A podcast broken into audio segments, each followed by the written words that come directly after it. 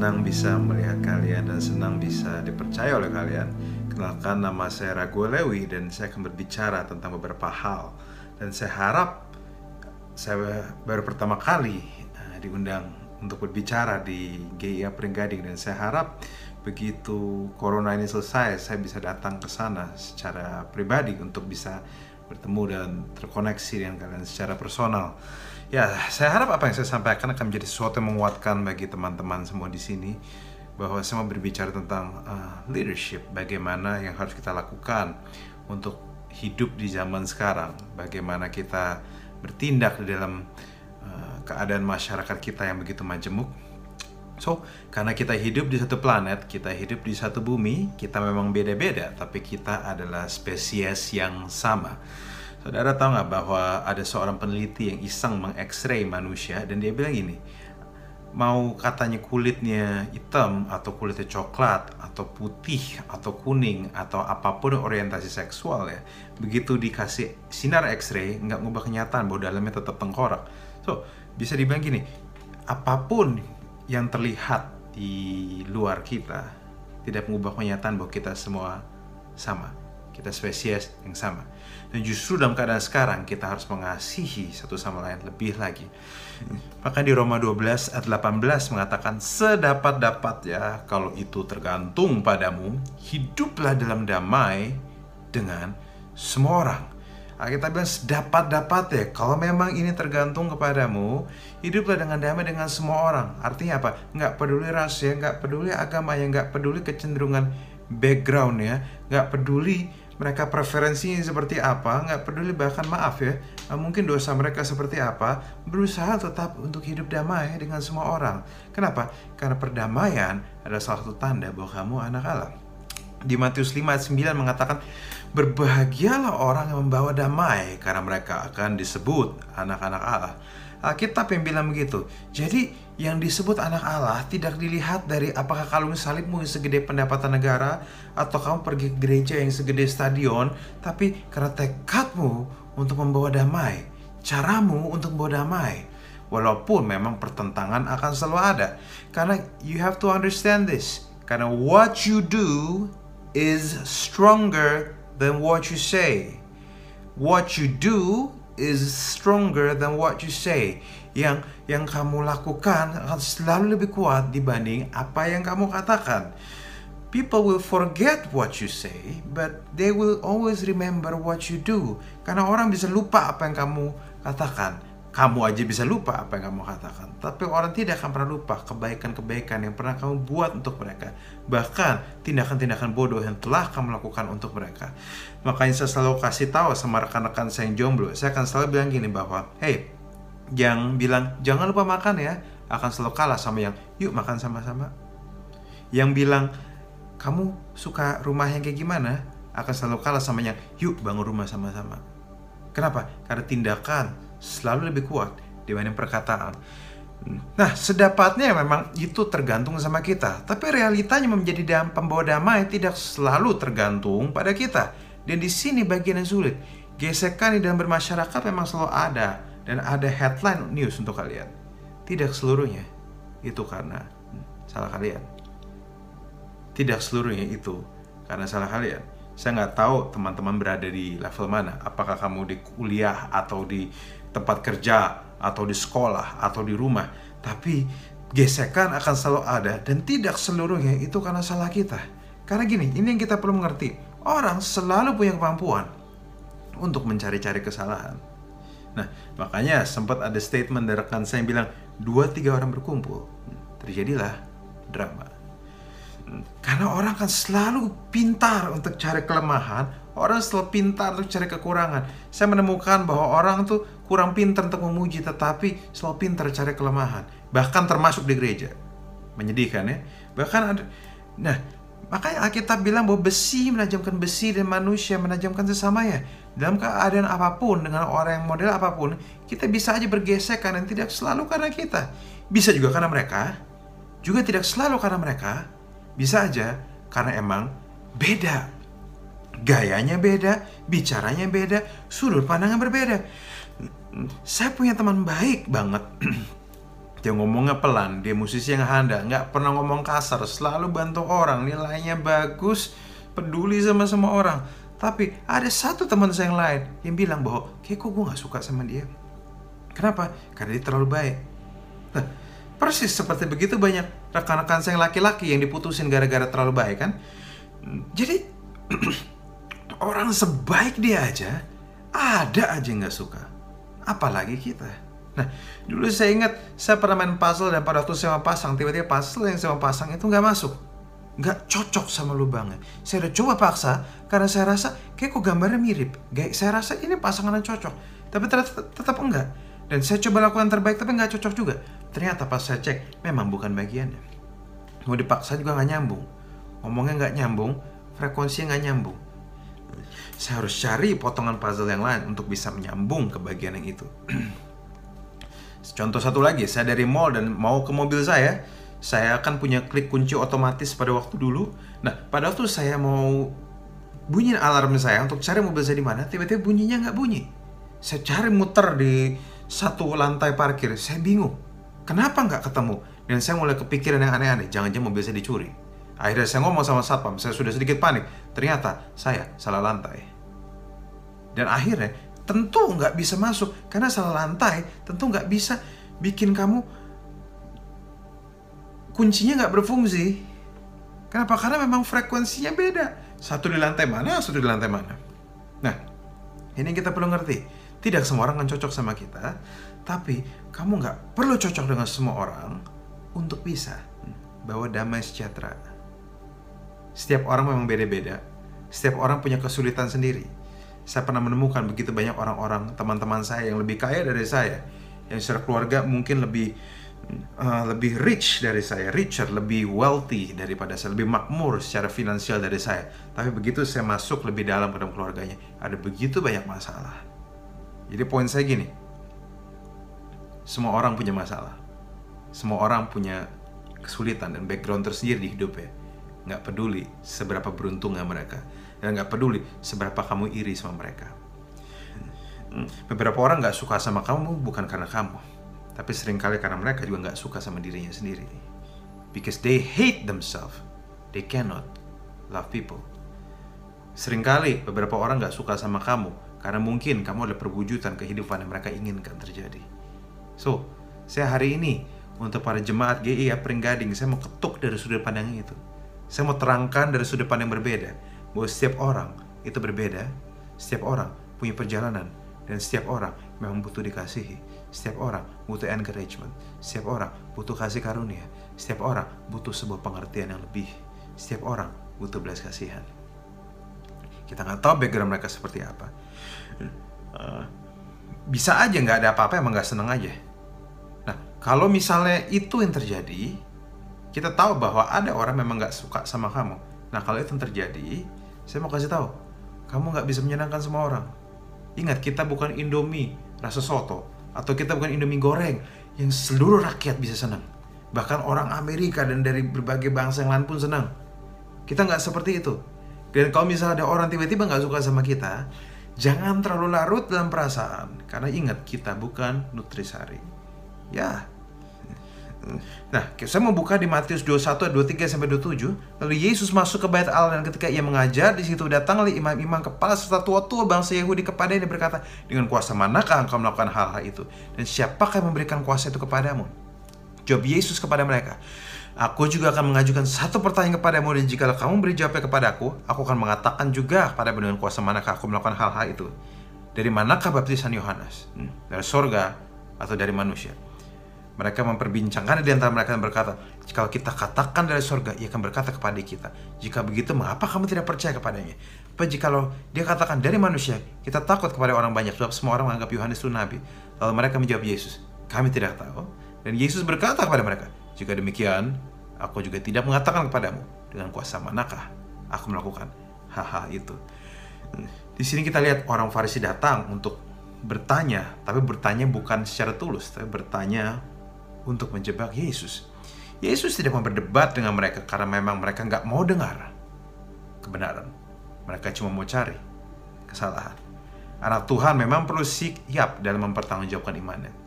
Tapi kalian juga perlu tahu bahwa tidak semua orang menghargai apa yang kalian ngomong. Beberapa orang nggak peduli, beberapa orang memang ada untuk cari-cari kesalahan di hidup kalian. Jadi kalau sudah seperti itu, sikapmu harus berbeda. Hargai orang-orang yang memang tertarik untuk dengar kebenaran yang kamu percaya. Kamu bisa share sama mereka. Kamu perlu share sama mereka. Tetapi kalau misalnya mereka memang untuk cari-cari kesalahan, saya bagi saya kamu cuekin aja. Yesus mengatakan, jangan lempar mutiara ke babi. Maksudnya apa? Jangan lempar apa pun berharga dari dirimu kepada orang tidak bisa menghargainya. You're wasting your time. Kamu habiskan waktumu, sementara mungkin ada begitu banyak orang yang benar-benar pengen tahu kebenaran yang kamu percaya. Jangan ngabisin waktu kamu untuk orang-orang kayak gitu.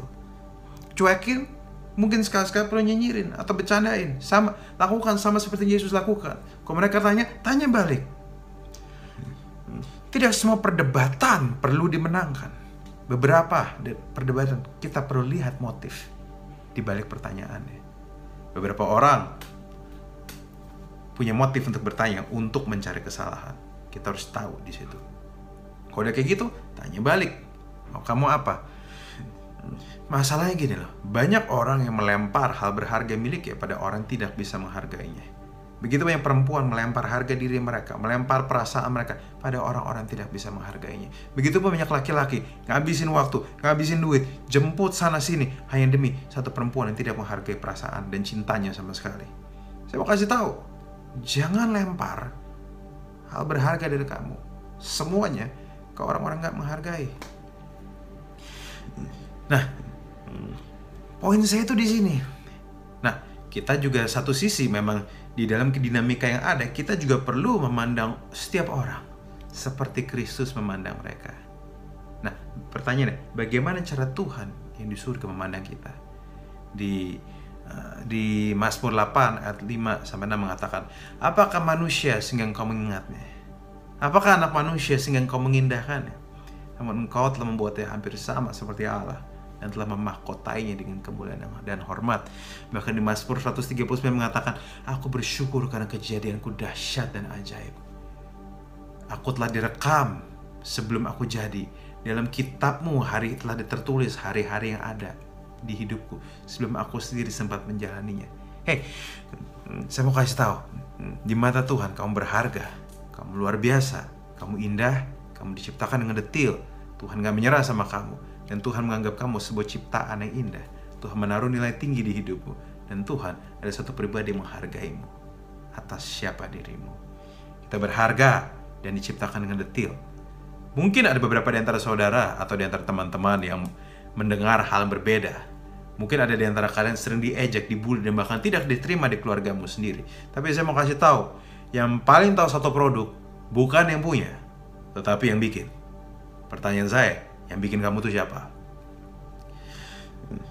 Kita memang bisa dimiliki banyak orang. Hidupmu itu memang milikmu, tapi belum tentu hanya karena hidup itu milikmu. Kamu bisa mengerti potensimu. Kamu bisa mengerti kehidupanmu. Saya mau kasih contoh eh, bagaimana ada satu orang kalau handphonenya rusak, dia tidak perbaiki itu sendiri, tetapi dibawa ke toko tempat handphone itu dibeli. Kenapa? Karena yang tempat yang jual itu adalah tempat official dealer dari perusahaan yang membuat handphone itu. So artinya apa? Mereka lebih tahu. Bahkan saya mau kasih tahu, kalau misal kamu dengar teman-temanmu pun belum tentu mereka yang paling tahu siapa dirimu. Orang tuamu pun belum tentu paling tahu siapa dirimu. Harusnya orang tuamu mungkin orang yang paling tahu, tetapi faktanya memang nggak semua orang tahu siapa diri kita, termasuk orang tua kita karena kita terlalu dalam, kita terlalu kompleks, kita betapa besar potensi yang terlalu Tuhan berikan sama kita. Ortu biasa memang jadi yang paling tahu, tapi saya menemukan banyak orang tak pun terkejut dengan bakat dan potensi yang dimiliki anak ya. Artinya setahu-tahunya ortu dia juga nggak tahu sepenuhnya. Saya pernah dengar ada satu hamba Tuhan yang dia nulis buku dan ternyata bukunya laris dan di hari pertama buku itu jadi dirilis orang tuanya, ibunya telepon ke hamba Tuhan ini. Dia bilang, saya nggak tahu kamu bisa nulis. Artinya apa? Orang paling dekat pun belum tentu tahu. Yang memiliki kamu, yaitu orang tua kamu pun belum tentu tahu. Tetapi ada satu yang paling tahu, yaitu Tuhan yang menciptakanmu. Makanya pendapat Tuhan itu penting karena Dia yang ciptaan kita. Dia tahu setiap detail kita dan bagaimana operating system kita bekerja.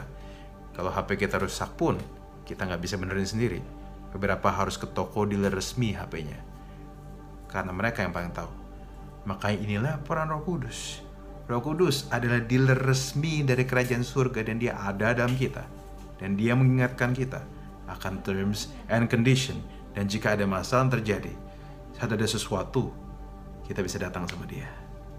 Wow. Apa kamu punya musuh? Bisa aja. Tapi kitab suci bilang, kasihilah musuhmu. Kenapa? Karena musuhmu juga anaknya. Mungkin dia belum sadar, mungkin dia belum tahu, tetapi tetap dia anak Tuhan. Ketidaktahuannya dia, ketidaksadarannya dia tidak mengubah kenyataan siapa identitasnya di mata Tuhan, di mata penciptanya. Ada satu statement yang saya mau share dan ini quote saya sendiri dan saya harap ini bisa memberkati bagi teman-teman. Anyone who says I don't care secretly cares. Anyone who says I'm strong secretly weak. Anyone who screams I'm happy secretly in pain. What it looks outside is not always the same with what's inside. Learn to see everything from God's perspective, a bigger perspective. Exercise kindness, period. Ini sebuah statement yang luar biasa karena orang-orang yang di sekelilingmu yang cuek, yang mereka bilang I don't care, jangan-jangan sebenarnya mereka care. Karena kalau mereka nggak care, mereka nggak perlu ngomong. Kita yang tahu bahwa mereka nggak care, kelihatan bahwa mereka nggak care. Tapi bukti bahwa mereka butuh pengakuan, bahwa mereka nggak peduli, membuktikan bahwa sebenarnya mereka peduli. Sama seperti orang badannya besar yang berotot badannya. Dia nggak perlu teriak, hei badan saya berotot. Semua orang bisa lihat. Sama juga orang-orang bilang, I am strong. Oh dia kuat. Orang bilang, oh dia kuat kok. Bagaimana kalau dia ngomong itu untuk menguatkan dirinya sendiri? Bahwa sebenarnya dia lagi lemah. Kalau dia memang kuat, nggak perlu dia bilang, I am strong. Karena kita akan lihat sendiri dia strong. Dan orang-orang bilang, I'm happy, no worries, I'm happy. Tanpa kamu aku bahagia, tanpa kamu aku bisa sukacita, aku santai aja. Hey, saya mau kasih tahu, untuk apa dia bilang I'm happy? Harusnya di, orang bisa lihat sendiri bahwa dia happy. Tapi fakta membuktikan bahwa ada sesuatu yang mungkin dia sembunyikan. Bahwa dia belum se-happy itu, tapi dia berusaha bikin happy dirinya sendiri. Learn to see everything from God's perspective. Makanya saya mau kasih tahu, what it looks outside is not always the same with what's inside. Apa yang terlihat di luar tidak selalu sama dengan apa yang terlihat di dalam. Kita mungkin iri sama satu keluarga yang kaya, tapi begitu kita tinggal sama mereka sebulan, kita akan terkejut dengan begitu banyak masalah mereka hadapin. Makanya kita semua perlu sepakat dengan cara pandang Tuhan. Karena cara pandang Tuhan melihat manusia tidak dari kekayaannya, tidak dari apa pun, tapi hanya sebagai ciptaannya. Bahwa mereka ciptaan yang bisa salah, mereka ciptaan butuh dikasihi, dan mereka ciptaan yang bisa diampuni, dan mereka ciptaan yang mulia, bahkan walaupun mereka nggak punya apa-apa, bahkan walaupun mereka belum melakukan apa-apa. Saya harap teman-teman merasa kuat sejauh ini, saya harap teman-teman merasa diberkati. Ya, kamu harus punya sikap yang baik di mana-mana karena semua di sekelilingmu itu bisa punya cerita berbeda-beda, makanya mereka cari masalah sama kamu atau mereka mempermasalahkan tindakanmu walaupun belum tentu kamu salah.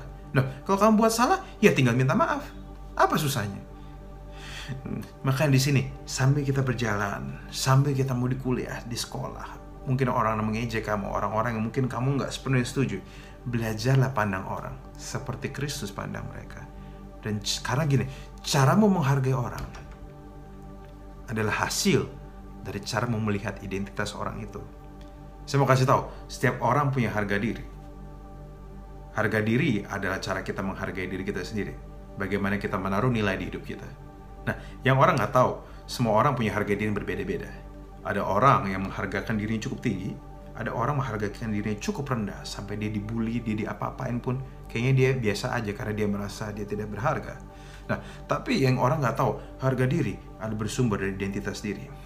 Jadi caramu melihat dirimu, caramu melihat identitasmu, akan mempengaruhi caramu menghargai dirimu sendiri. Harga diri kita yang atur, tapi identitas itu seharusnya dari Tuhan. Seharusnya dari cara kita, dari cara Tuhan melihat kita. Nah, yang lucu gini, kita harus lihat identitas kita secara proper supaya nggak terlalu tinggi, tapi juga nggak terlalu rendah. Karena kita bilang kita berharga, kita bilang kita indah, Tuhan bilang kita indah. Tapi seindah-indahnya kita masih ada yang lebih indah itu Tuhan sendiri. Makanya kita juga jangan terlalu narsis. Nah, kalau kita mengerti gambar diri kita secara proper, saya mau kasih tahu, kita tidak jadi tinggi hati. Kita juga tidak jadi rendah diri, tapi kita jadi tahu diri. So, bagian antara teman-teman yang menghargakan diri yang nggak tinggi sama sekali, mungkin kamu harus belajar lihat identitasmu dari sudut pandang yang berbeda. Lihat dari sudut pandang yang berbeda. Identitas kita dipegang oleh Tuhan. Tuhan menganggap kita mulia dan berharga. Makanya kita nggak boleh marah kalau Tuhan juga anggap musuhnya berharga. Musuhmu berharga karena mereka juga anaknya. Yang kelakuan binatang pun tidak mengubah kenyataan bahwa dia berharga. Dia hanya perlu disadarkan. Tinggal mereka mau terima atau enggak. Kalau misalnya kamu memang nggak cocok sama mereka, ya kamu tinggal jaga jarak. Nah, sini saya mau kasih contoh. Pada waktu seseorang, misalnya bagi teman-teman yang suka di dapur untuk masak sesuatu yang gorengan, saya baik, saya ingat pada waktu itu ibu saya sempat masak, uh, dia keluarin ayam kuning yang diungkep dari kulkas, dan ternyata memang airnya masih agak banyak. Jadi pada waktu digoreng itu banyak percikan-percikan. Nah, percikan-percikan itu memang tidak bisa dilarang, tidak bisa dihindari. Kenapa? Karena memang banyak masih banyak airnya uh, ayam itu. Tapi ini bisa dilakukan. Dia bisa sedikit jaga jarak sama gorengannya. Sehingga percikan tuh nggak nyampe ke badan dia. Dan setelah diaduk-aduk, dia bisa tutup dengan penutup. Supaya percikannya tidak kena ke mana-mana. Nah, jika kita memang nggak bisa bergaul sama semua orang, mungkin ada orang-orang yang mungkin kita benar-benar nggak cocok dan mengetes kemampuan kita. Mungkin kita perlu jaga jarak tetap mengasihi mereka, tapi sedikit jaga jarak. Untuk kau bisa ngasih nafas pada dirimu sendiri dan kau kasih nafas pada dirinya dia sendiri. Karena gini, ada orang-orang yang pas um, dekat itu berantem terus, tetapi pada waktu menjauh dia jadi kangen. So ini kadang kita perlu belajar untuk menjaga jarak. Jangan terlalu dekat, jangan terlalu jauh. Kalau yang harus yang bisa dekat, mendekatlah. Orang-orang yang dekat denganmu harusnya adalah orang-orang bisa handle kamu sebagaimana kamu adanya. Yang bisa terima dan berdamai dengan kelemahan-kelemahanmu. Nah, yang nggak bisa terima, jaga jarak sedikit nggak apa-apa. Be wise in managing your expectation. Be wise untuk memimpin dirimu sendiri. Makanya di dalam kehidupan kita, kita perlu ngomongin apa yang di pikiran kita. Tapi kita juga perlu pikirin apa yang kita mau katakan. Say what's on your mind, but mind what you have to say. Saat kamu ngomong, kamu harus mikirin. Dan saat kamu lagi, ya apa yang kamu pikirin, kamu perlu belajar omongin. Kamu juga harus cek, omongan kamu ini penting apa enggak. Kamu harus cek, omongan kamu ini memberkati apa enggak, membangun apa enggak, apa malah melecehkan. Be kind sama orang. Kamu nggak bisa selalu be nice memang, nggak bisa selalu ramah sama orang. Tapi kamu bisa be kind, bertanya, dan peduli sama dia kalau ada yang salah, ampuni. Kamu pun perlu belajar ampuni dirimu sendiri. Banyak anak muda tidak bisa ampuni diri mereka sendiri. Tapi saya mau kasih tahu, keengganan untuk mengampuni diri sendiri adalah penghinaan terhadap sang pemberi ampun sejati. Be kind. Bawalah damai. Pandang semua orang seperti Kristus pandang mereka. Jika mereka tidak suka kepadamu, kita bilang, kebaskanlah debu dari kakimu dan pergi. Pendapat orang lain perlu, masukan itu perlu. Tapi ada beda antara taking inputs and taking things personally. Taking input artinya orang komentar ke kita dan kita terima, masukin ke pikiran kita. Tapi taking personally artinya nggak cuma masuk di pikiran, tapi masuk di hati sampai menyinggung. Nah, tapi artinya kita harus mengerti gini, remember, kalau misalnya memang kamu salah, kesalahan hidup kamu tidak didefinisikan oleh kesalahanmu. Orang semua bisa salah, tapi semua orang berhak dapat pengampunan. Ingat siapa dirimu sebenarnya. Perkataan orang perkataan sekeliling kita itu seperti batu bata, tapi fondasi hidupmu adalah perkataan Tuhan. Pakailah perkataan Tuhan untuk memfilter semua kata-kata yang ingin kau dengarkan. Nggak semua kata-kata yang datang perlu kau dengar. Tapi perkataan Tuhan bisa kamu pakai untuk filter kata-kata mana yang boleh kamu izinkan masuk ke hati dan pikiranmu. Berdamailah dengan semua orang. Tapi kalaupun ada orang yang cari masalah, that's okay. Kamu nggak bisa dengan semua orang. Tetaplah mengasihi Tuhan. Tetaplah pandang setiap orang seperti ciptaan Tuhan. Tuhan memberkati. Saya mengasihi kalian.